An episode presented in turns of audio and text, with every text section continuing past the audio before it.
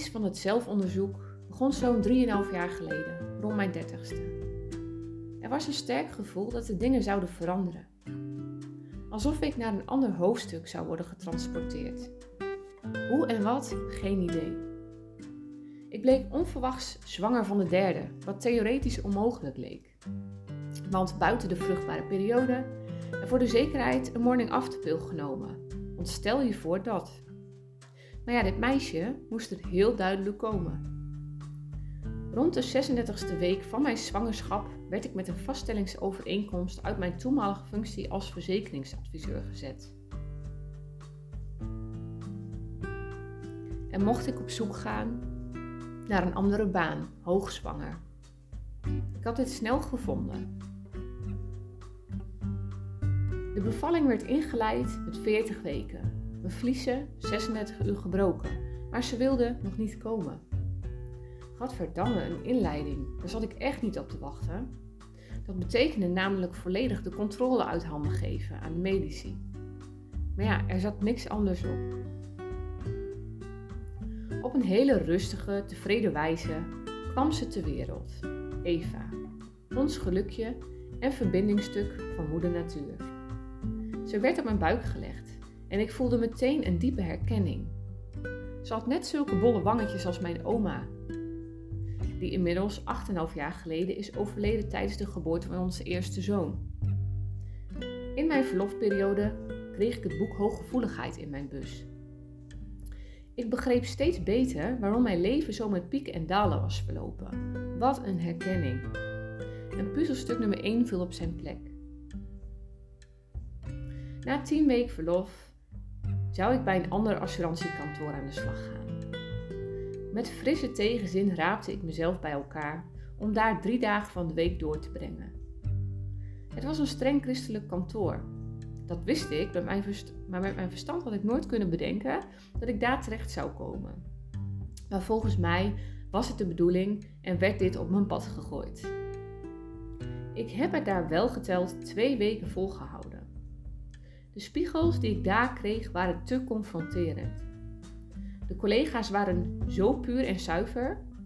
En ik maar zeggen dat ik gewoon op zoek was naar een andere functie als hoogzwangere. Geloof jij het?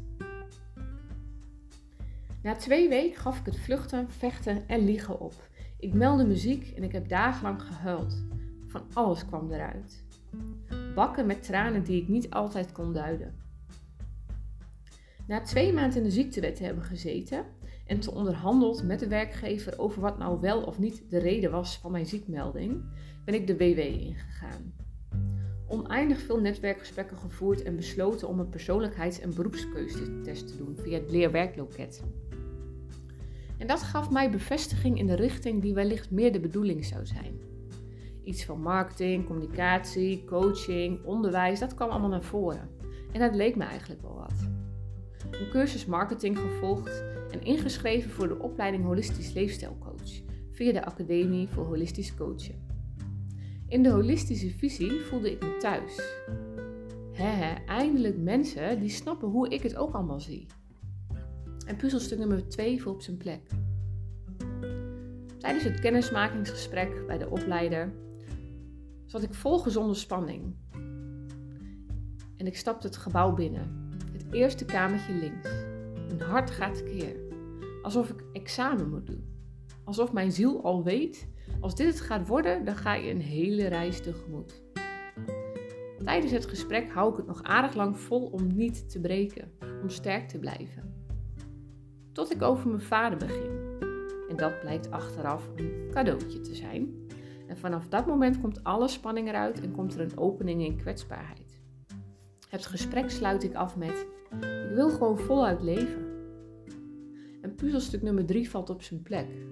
Want al die tijd heb ik overleefd in plaats van geleefd. De eerste opleidingsdag was zaterdag 9 oktober 2021. Ik zat vol spanning, maar vooral ook veel zin om aan het nieuwe avontuur te beginnen. Vragen als: kan ik dit wel? Wat ga ik wel en niet delen? De eerste les persoonlijke ontwikkeling hadden we van Gerda. En op een bijzondere manier gingen we elkaar voorstellen. En God zij, dank niet zo'n standaard manier waarbij je, op zo'n waarbij je je zo ongemakkelijk voelt. Hier gaat het anders en het voelt eigenlijk wel heel veilig en heel fijn. Er wordt open gedeeld en we ervaren herkenning bij elkaar. Er worden veel stukken bij elkaar aangeraakt. Tranen rollen. Het gevoel dat je niet alleen bent. Niet de enige die diepte en donkerte kent. Puzzelstuk nummer 4 valt op zijn plek. Vanaf de start coachingsvaardigheden starten ook de intervisies. De eerste keer in Zwolle. Wat een onzekerheid. En dan is de ruimte ook nog verlicht met felle TL-verlichting. Nou, als ik ergens niet tegen kan, dan is het dat wel. Maar ja, dat ga ik natuurlijk niet zeggen. Wat wil dat eigenlijk zeggen? Niet in het licht durven staan. Daar zit ik naast een vrouw van 50 plus die behoorlijk zelfverzekerd lijkt. En daar moet ik een oefencoachgesprek mee aangaan. Ik voel me klein en nietig. Als coachie heb ik nog een handige hulpvraag in kunnen brengen, die mij heeft geholpen met de struggle op dat moment. En vol adrenaline zat ik terug in de auto. De eerste keer zit erop. Het eerste jaar als een malle geknald met de intervisies. Toen had ik nog veel vrije tijd. Ik heb veel mooie zielen mogen ontmoeten, met ieder hun eigen verhaal en toch altijd een soort rode draad in de thema's als afwijzing, niet gezien, gehoord, trauma's, familietrauma's, angsten. Inmiddels kan ik zien dat dit alles karmische leerprocessen zijn en snap ik volgens mij steeds beter wat we hier komen doen. En puzzelstuk nummer 5 valt op zijn plek. Het stuk familietrauma's en herhalende patronen bracht me bij Maarten Overzier, de tranen van onze voorouders. Maar ook bij een vrouw die werkt met de biologische natuurwetten. De reactie van ons lijf op trauma en conflict.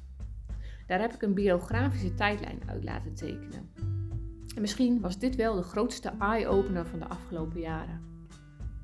Op deze tijdlijn werd visueel zichtbaar de herhalende patronen vanuit de voorouderlijn. Wat in mijn geval begint met mijn geboorte op 4 mei 1989, dodenherdenking. Bijzondere datum, dat is wat haar meteen opvalt. Vervolgens de scheiding van mijn ouders toen ik 2,5 was. Op dezelfde horizontale tijdlijn, toen ik een jaar of 21 was, ben ik ook uit elkaar gegaan met mijn toenmalige vriend, waar ik mee samenwoonde. Is ook een scheiding dus. Het is gewoon een herhaling in het patroon van mijn ouders. Bizar. Rond mijn 24ste is mijn oma overleden en raakte ik zwanger van ons eerste kindje. We zijn getrouwd. Ik kreeg geen contractverlenging. En na de bevalling ontstond een soort postnatale depressie die ik op dat moment heb weggedrukt, ontkend, want ik moest sterk zijn, vond ik zelf. Dat heb ik namelijk geleerd. Op datzelfde moment op de tijdlijn moest er rondom mijn zesde ook het een en ander gebeurd zijn, of in de voorhoudlijn. Dit inzicht zal vast nog ontstaan. Op mijn tiende krijgt mijn moeder een burn-out, wat betekende dat ik, grotendeels, een jaar lang voor mezelf heb gezorgd. En met turnen ontwikkelde ik vanaf dat moment faalangsten, wat betekende dat ik niet meer op hetzelfde niveau kon door blijven gaan. Op dezelfde horizontale lijn waar ik 28 jaar ben, wordt mijn dochter geboren. Uitgerekend op mijn verjaardag, 4 mei, dodenherdenking. Hmm, weer dat lijntje naar de dood. Op mijn 31ste raakte ik onverwacht zwanger van onze derde. Het theoretische onmogelijk en toch moest Eva er zijn. Mijn inziens de ziel van mijn overleden oma die terug is gekomen naar de aarde. En sindsdien is voor mij re reïncarnatie zo goed als waarheid. Puzzelstuk nummer 6 valt op zijn plek. Oma is terug in een ander jasje. Wat zou hier de bedoeling van zijn? En heel eerlijk, dit heeft me veel tranen en angsten bezorgd. Maar vooral ook enorm veel dankbaarheid. Ik voel veel de aanwezigheid van opa en ben vanaf de geboorte van Eva ook weer gaan geloven. Het bijzondere vind ik ook dat ik vorig jaar een half jaar bij de natuurbegraafplaats heb mogen werken. Ik dacht dat dit het was.